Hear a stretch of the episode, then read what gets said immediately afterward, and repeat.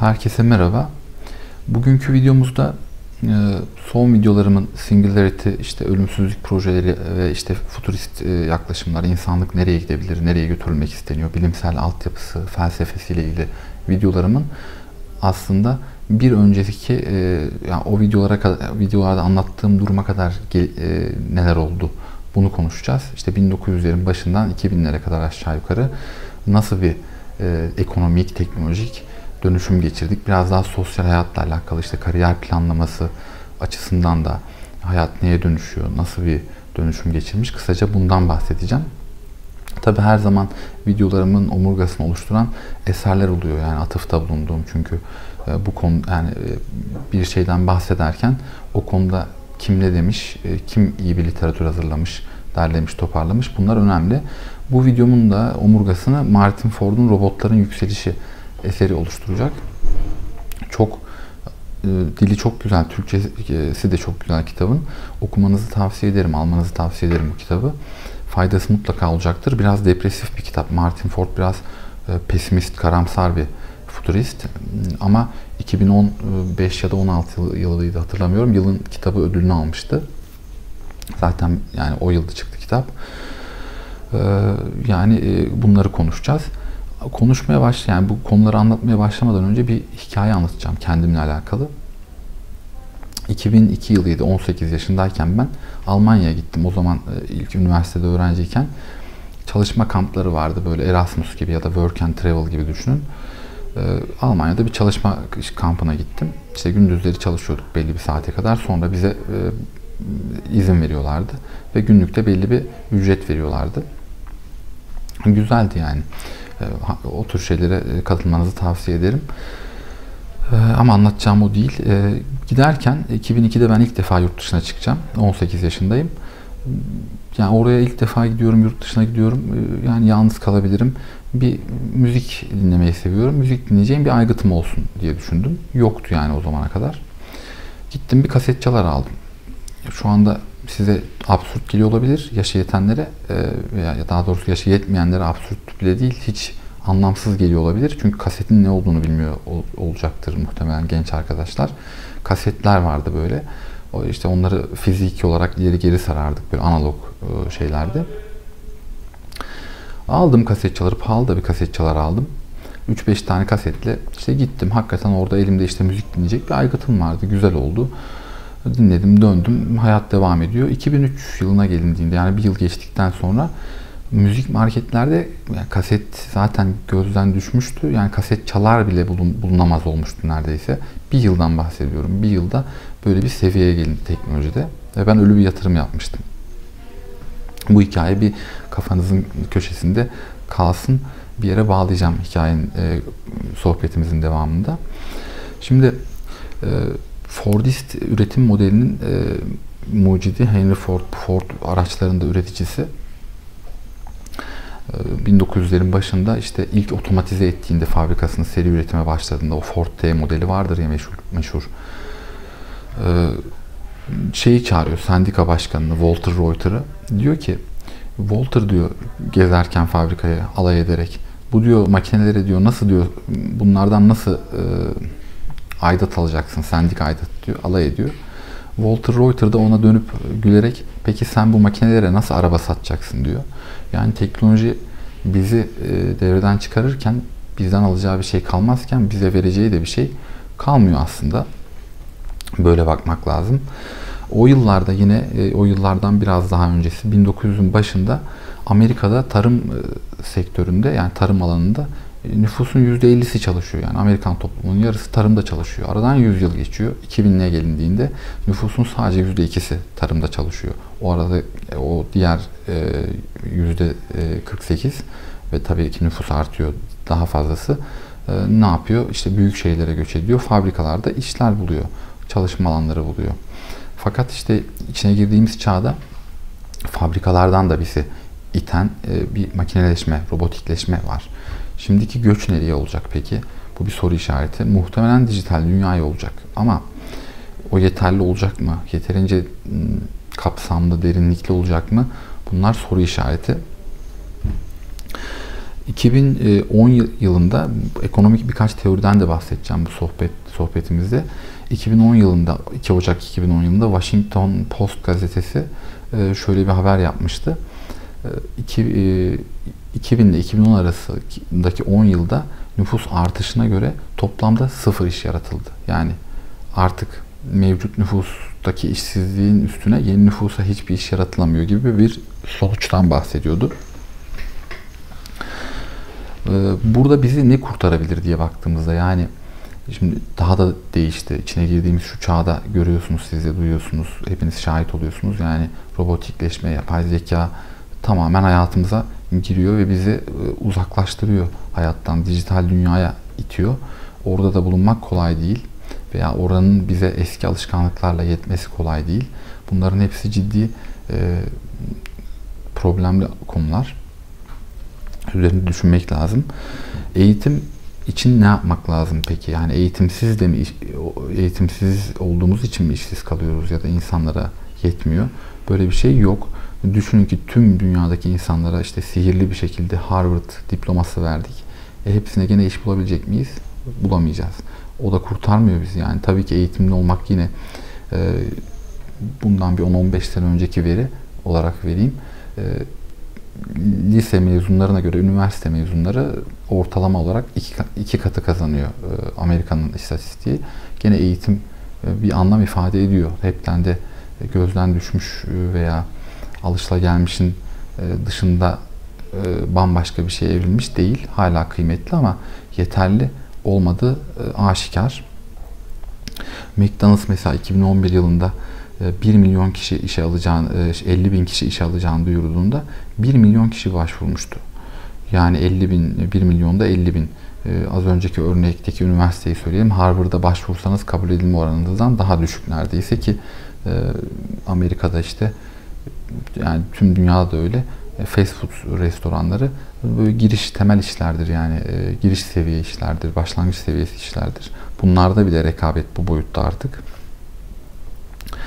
Tabi e, sektör olarak yemekten bir örnek verdik. Şimdi hijyen de artık bu çağda çok artık hayatımızda kendini hissettiriyor. Düşünsenize yani yemek hazırlama konusunda bir robottan daha hijyenik olabilir mi bir insan? Olamaz. Çünkü organik insan hastalık taşıyor, e, öksürüyor, aksırıyor. Ama robotta böyle bir şey yok. E, veya işte bir insan e, bir standardın dışına çıkıp bir standart yemek hazırlama sürecinin prosedürünün dışına çıkıp absürt bir şey yapabilir. İşte yapmasa bile yani kılı düşer bilmem ne olur. Hijyenik değil. Artı bunun üstüne bir de yapay zekanın şeyini katarsak avantajını. Şimdi siz gidiyorsunuz işte İstanbul'da bir sipariş veriyorsunuz. Diyorsunuz ki ben şu hamburgeri istiyorum. İşte lahanayı çıkarın, e, sarımsaklı mayonez koyun. E, sonra gidiyorsunuz işte yurt dışında bir yere işte atıyorum Hindistan'a gittiniz, Rusya'ya gittiniz, işte Amerika'ya gittiniz. Orada da sipariş verirken bunu söylemek durumunda kalıyorsunuz. Şimdi eğer siparişler bilgisayar üzerinden olsaydı e, ve sistem tüm dünyada entegre olsaydı sizi çok daha pratik, tabii gene yemeklerin robotların hazırladığı bir ortamdan bahsediyorum ve hijyenik bir şekilde hazırlanabilecekti ki bu giriş seviye işte insanın devreden çıkışı ortaya çıkıyor. Fabrikalar hakeza öyle. Artık e, karanlık fabrikalardan bahsediliyor. Hiç ışık enerjisi bile kullanılmıyor robotların çünkü ihtiyacı yok görmeye. E, bu şekilde bir durum var. E, Peki insanın e, robotik ve yapay zekaya karşı avantajları e, var mı veya eski ekonomik düzenin var mı diye bakarsak var. Bir kere satın alma e, anlık bir tatmin duygusu verir bize. Yani o, o an alırsınız, denersiniz. O an alıp işte çıkarsınız dükkandan veya gidersiniz evinize bir anlık tatmin duygusu vardır. O şu anda yok. Fark ettiyseniz işte bir sipariş veriyoruz. Kargo ertesi gün en erken ihtimalle veya 2-3 gün içinde geliyor. Bir hafta geliyor bazen. E, o yüzden o anlık tatmin duygusu söz konusu değil.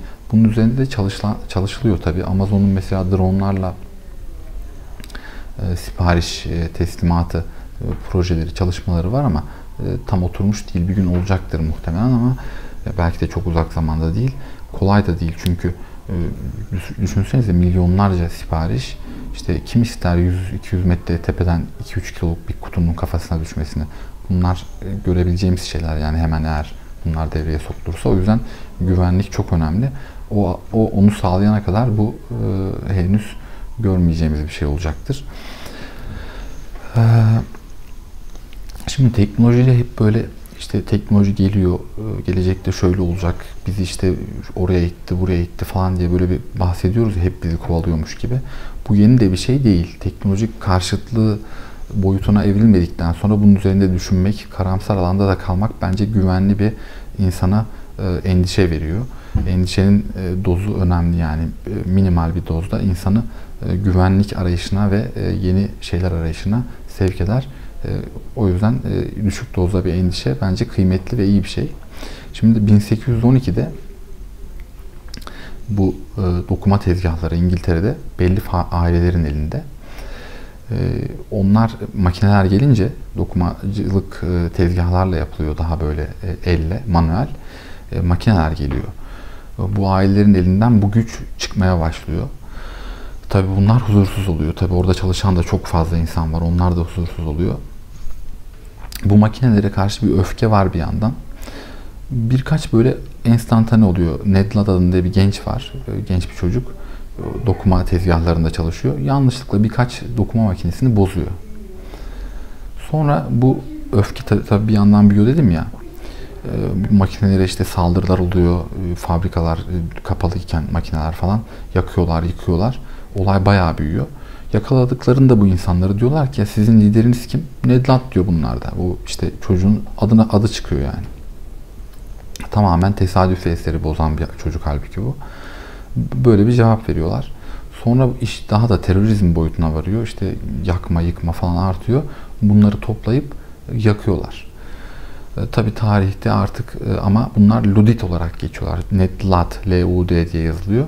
E, çocuğun soyadı sıfata dönüşüyor. Ludit diye teknoloji karşıtlarına işte tüm dünyada e, bu alanla ilgili konuşurken Ludit misin derler mesela teknoloji karşıtı mısın diyeceklerini. Böyle sıfatlaşmıştır.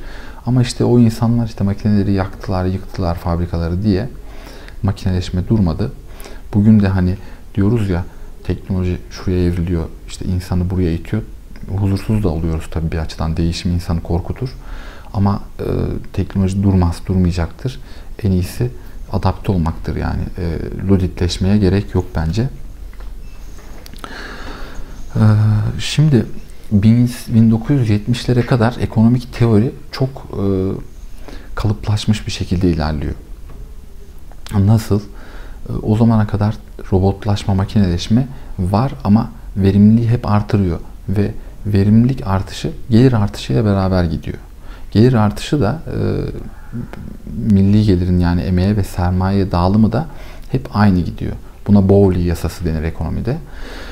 Ee, hep örnek vardır ya verilen işte nalbantlık bitti atlara binmeye bıraktık arabalar taşıtlar geldi ee, ama ne oldu işte bakım yedek parça servis satış gibi hizmetlerle insanlara yeni işler çıktı ee, bunun da adı yaratıcı yıkım e, kavramıyla ifade ediliyor ekonomide ama 1970'lerde iş değişiyor 70'ten itibaren hatta çok böyle kırılma var ee, işsiz büyüme diye bir kavram geliyor gene verimlilik artışı var e, gene gelir artıyor ama bu sefer o Bowley yasasındaki gibi milli gelirin emeğe ve sermaye e, dağılımı değişiyor. E, şu anda günümüzde nüfus e, gelir artışının %95'i nüfusun %1'ine gidiyor. Yani işte Amerika'da 42 bin dolardan 46 bin dolara çıktı gelir dendiğinde herkesin de art, yani tüm insanların 4 bin dolar yıllık geliri artmıyor. Belli bir %1'lik kesimin %9 çok korkunç artıyor geri kalanın aynı kalıyor hatta azalıyor. Ee, buna da işsiz büyüme e, deniyor ekonomi teorisinde. 1970'lerden ee, sonra krizlerde şöyle de bir durum oluyor. Şimdi işini kaybediyor insanlar krizlerde. Dönüşlerde de işler çıkabiliyor dedik ki işte yaratıcı yıkım. Fakat işte işsiz büyüme diye bir şey çıkıyor ve e, yeni işler çıksa bile o kaybolan işler genelde orta seviye işler oluyor. Yeni çıkan işler ise genelde başlangıç seviyesi işler oluyor. Bu da geliri e, azaltan e, bir faktör. Gelecekte nasıl olacak diye bakılırsa 2015'lerde konuşulan şuydu. 2015-2016 yıllarında bundan 4-5 sene önce önümüzdeki 20-30 yıl içinde e, Amerika Birleşik Devletleri'ndeki işlerin %50'si şu anda insanların yaptığı işlerin %50'sinin robotlar tarafından yapılacağı konuşuluyor. Yani bunun pers, e, projekte eden çalışmalar var. Peki o insanlara ne olacak? Gene bir soru işareti. Bir yandan da e, yapay zekanın şöyle bir bizden avantajı var. Kopyalanabilen bir şey. Mesela siz Almanca öğrenmek isteseniz birkaç yılınızı vereceksiniz. Bana öğretmek isteseniz hemen gelip siz öğrendiniz diye bana öğretemiyorsunuz. Aynı emeği benim de vermem gerekiyor. Ama ıı, çok iyi bir yapay zeka ki biz onu üretirken yani robotlar üretilirken insanın en iyi e, performansı dikkate alınarak üretiliyor. En iyisini ve daha iyisini hatta e, dikkate alarak üretiliyor. E, o yüzden en iyi insanı kopyalamış gibi oluyoruz bir robotun e, becerilerini kopyaladığımızda. İnsanın şöyle bir avantajı vardı yine eski ekonomi teorisinde. Karşılaştırmalı üstünlük diye bir teori vardı. Bunu David Ricardo ortaya atmıştı. O devletler için ortaya atmıştı aslında. İşte her ülke, her devlet kendi e, uzmanlaştığı alanda en iyi neyi yapıyorsa onu yapsın. Bu şekilde total verimlilik ve total üretim artar diyordu. Bunu da bireye indirgersek şöyle örnek vereyim. Mesela bir kalp cerrahı var. Çok iyi ameliyat yapıyor. Çok iyi bir cerrah. Ama aynı zamanda da çok başarılı bir aşçı. Çok iyi yemek yapıyor. Şimdi bu kişi aynı anda iki işi yapamıyor ama.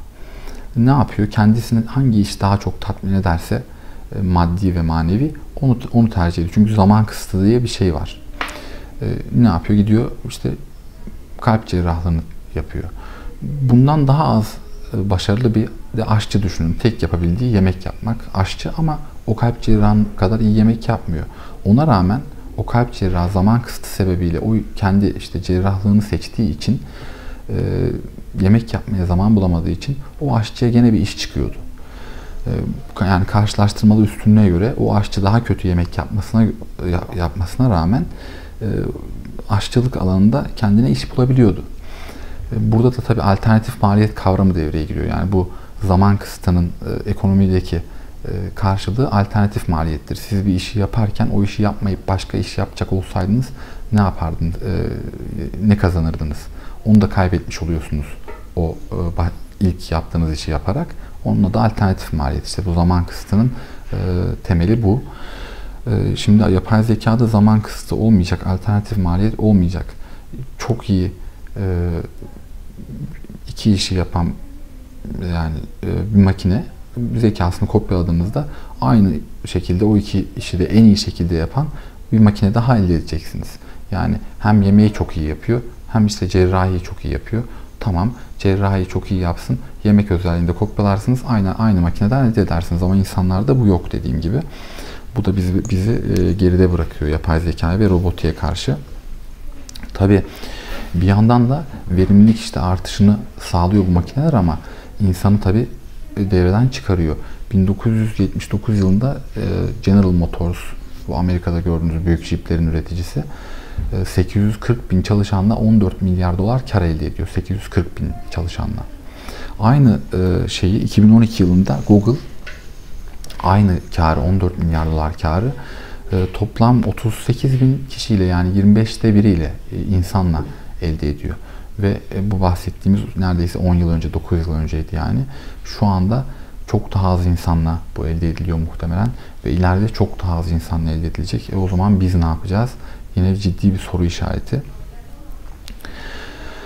Ee, şimdi ya hangi alanlarda yapay zeka ve robotik bizden daha iyi olacak diye bakarsak mesela e, spesifik uzmanlık alanlarında bile bizi geçecek ama ilk elimizden alacağı işler daha böyle e, temel işler olacak işte satış, e, ne diyelim operasyon, üretim gibi ofis işleri gibi işler, fabrikadaki işçilik gibi işleri elimizden alacak. Ama mesela Wired diye bir portal var Amerika'da. Bizdeki işte MyNet falan gibi düşünün. Vardı ya portaller. Veya işte büyük haber sitelerinin portallerini düşünün. Oradan Stephen Levy adlı bir gazeteciyle röportaj yapıyorlar. Diyorlar ki gelecekte ne kadarını haberlerin algoritmalar yani yapay zeka üretecek. %90'ını diyor. Peki şu anda ne kadarı diyorlar, e, soruyorlar. Söylemiyor. Ama tahminler o dönem ki kaç yılı 2012 yılı %70'i e, civarını zaten hani bir muhabir falan e, üretmiş değil yani oradan buradan işte feed ederek toplayarak e, haber sunuyor size. Siz sanıyorsunuz ki onu bir insan hazırladı. Halbuki öyle değil. E, resim yapan, müzik yapan şu anda YouTube'da, Instagram'da videolarını görebilirsiniz. Robotlar var yani. Elimizden pek çok işi alacak gibi görünüyor. İnsana neler kalacak onları da konuşacağız bu sohbetimizde. E, bizi bu big data yani bizden veri topladıkça tüm dünya insanlarından veya işte dünya üzerinden veri topladıkça bizi bizden iyi tanıyor. Ee, neredeyse işte bir e, dini bir metafor olarak verirsek işte e, hep bu tanrıcılık eleştirisi veya işte dini literatürden eleştiriler vardır ya insan fıtratıyla oynanıyor diye. Hakikaten yani neredeyse işte bize şah damarımızdan daha yakın olma gibi bir iddiası mı var acaba bu yapay zekanın diye de insanın aklına geliyor yani böyle metaforik olarak. Çünkü e, bizi bizden iyi tanımasına bir örnek vereyim. Amerika'nın çok büyük bir market zinciri var Target diye. Bizdeki işte şeyleri düşünün büyük marketleri onların benzeri. Orada bir yazılımcı e, müşterilerle ürünler arasında bir ilişki keşfediyor. Bakıyor ki erken hamilelik döneminde daha doğrusu şöyle 25 adet kozmetik ürün alan insanların daha sonradan fark ediyor ki aslında erken hamilelik dönemindeki insanlar bunlar diyor. Bunu tabi zamanla geliştiriyor, daha da geliştiriyor. 2010'da e, New York Times e, bir haber yapıyor. Bir tane müşteri, e, bir baba daha doğrusu, mesajlar geliyor işte şu hamile olabilirsiniz, şunu da alın, bunu da alın. İşte şu anda hamileliğinizin hatta şu ayında olabilirsiniz falan. Ya diyor benim diyor bir kızım var, evde başka da kimsem yok ve küçük yani genç kız hamile olma ihtimali yok. Siz ne gönderip duruyorsunuz diyor. Onlar da işte yönetime kadar çıkıyor adam. Açıklama yapıyor işte bizim bir yazılımımız var böyle bir şey tespit ettik. O yüzden hani öneri, öneriler olarak gönderiyoruz. Adam şey yapıyor tatmin olmuyor. Olayı davaya götürüyor. İşte habere, haber oluyor hatta New York Times'ta. Ee, dava süresi, sürecinde fark ediliyor ki kızı gerçekten hamile. Böyle tuhaf bir durum var yani bizi bizden iyi tanıyor. Hatta bazı müşteriler daha hamileliğinin farkında bile değilken e, o yazılım farkında. Hatta kaçıncı tahminen ne zaman doğum yapacaklarına kadar falan e, bildiği söyleniyor. Böyle bir dünyaya giriyoruz. Spesifik uzmanlık alanlarından mesela tıptan da örnek vereyim. 2016 yılında hatta kendi branşımdan örnek vereyim. E, bir hasta geliyor, acil servise başvuruyor. İşte görme kaybı var, e, çok kötü durumda. Tiroid e, hormon seviyesini düzeltemiyorlar. Ama sebebini de bulamıyorlar. Araştırıyorlar, bakıyorlar. Bir türlü sebebini bulamıyorlar. Sonra fark ediyorlar ki bu kişi yakın zamanda kalça protezi ameliyat olmuş. Yani yakın zamanda işte bir yıl içinde. Normalde beklenmeyen bir durum oluyor yani düzeltemeyince hastayı herhalde diyorlar bu ameliyatla alakalı bir problem var. Fark edemediğimiz atipik bir septik durum var. Enfeksiyon falan gibi bir şey var herhalde. Ameliyata alıyorlar hastayı, açıyorlar.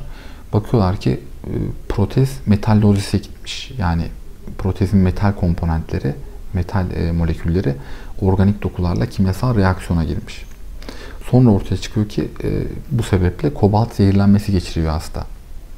O ana kadar kimse bunu bilemiyor. Hangi doktor kobalt zehirlenmesi görür ki pek çok doktor meslek hayatı boyunca bunu görmeden bitirir mesleğini.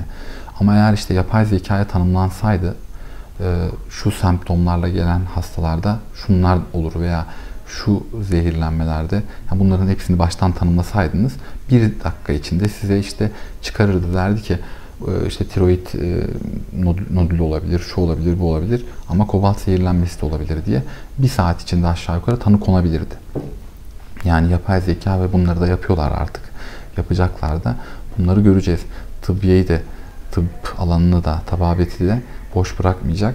Zamanla onu da bir şeye evirecek.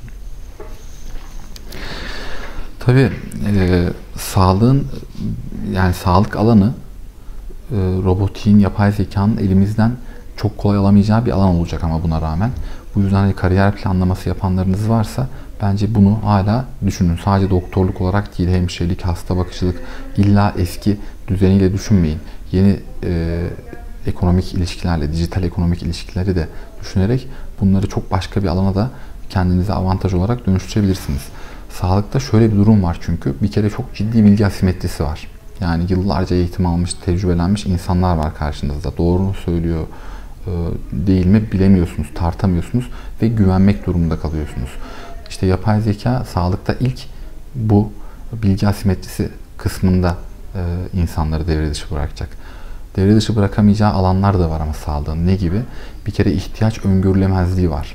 Yani bu akşam eve gidip işte merdivenleri çıkarken düşüp kalçanızı kıracağını, kırıp kırmayacağınızı bilemiyorsunuz. Olduğu anda da yine sağlığın farkı diğer pek çok alandan deneyemiyorsunuz. Ya işte kalçam kırıldı ben bir şu doktor deneyeyim, bir şu ameliyat deneyeyim, olmazsa bunu yapayım gibi bir durum yok.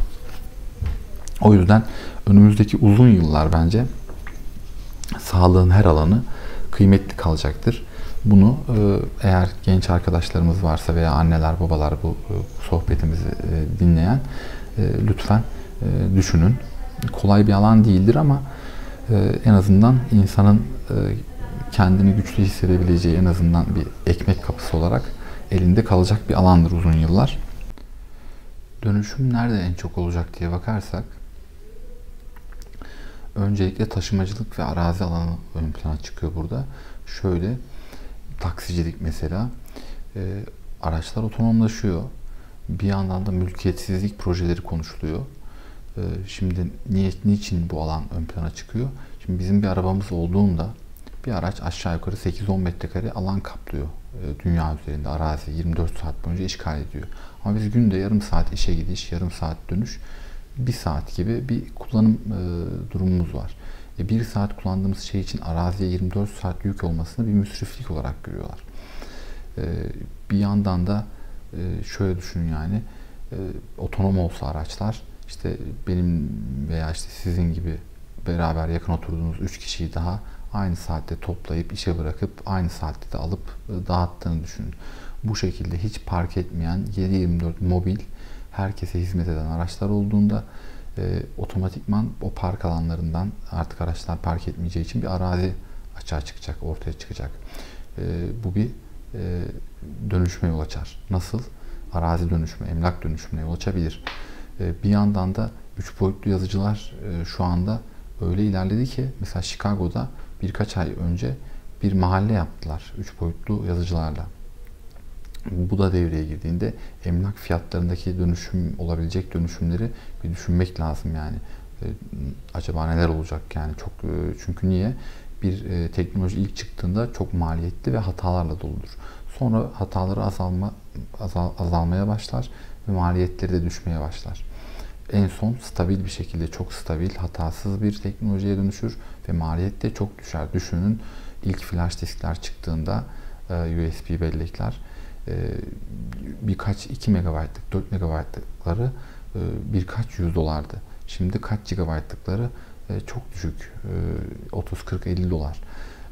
Aynı şekilde işte 3 boyutlu yazıcılarla üretilebilecek e, evler olduğunda bir yandan da işte araçlar üzerinden, otonom araçlar üzerinden araziler aşağı çıktığında neler olabilir diye düşünmek lazım. O yüzden yani yatırım yaparken bugün bugünü değil, geleceği düşünmek lazım ve e, yeni çıkan teknolojilerle neye dönüşebilir hayat? E, aldığımız yatırım, yaptığımız yatırım benim 2002'de aldığım kaset çalar gibi bir yatırım olmasın. Yani olacak diye demiyorum. Bir yatırım tavsiyesi olarak da söylemiyorum. Ama bunları da dikkate almak lazım bu tarz şeyleri. Yani kısaca özetlemek gerekirse e, biraz karamsar perspektiften olmak üzere kendimizi nasıl güvene alacağız, neler yapacağız düşünmek lazım kariyerimiz için, geleceğimiz için. Sözümü rahmetli Başkan Kennedy'nin e, bir sözüyle bitireyim. Sırf yerimizde sayabilmek için bile çok hızlı davranmamız lazım. Bugünkü sohbetimiz bu kadardı. Yine benzer sohbetlerle görüşmek üzere.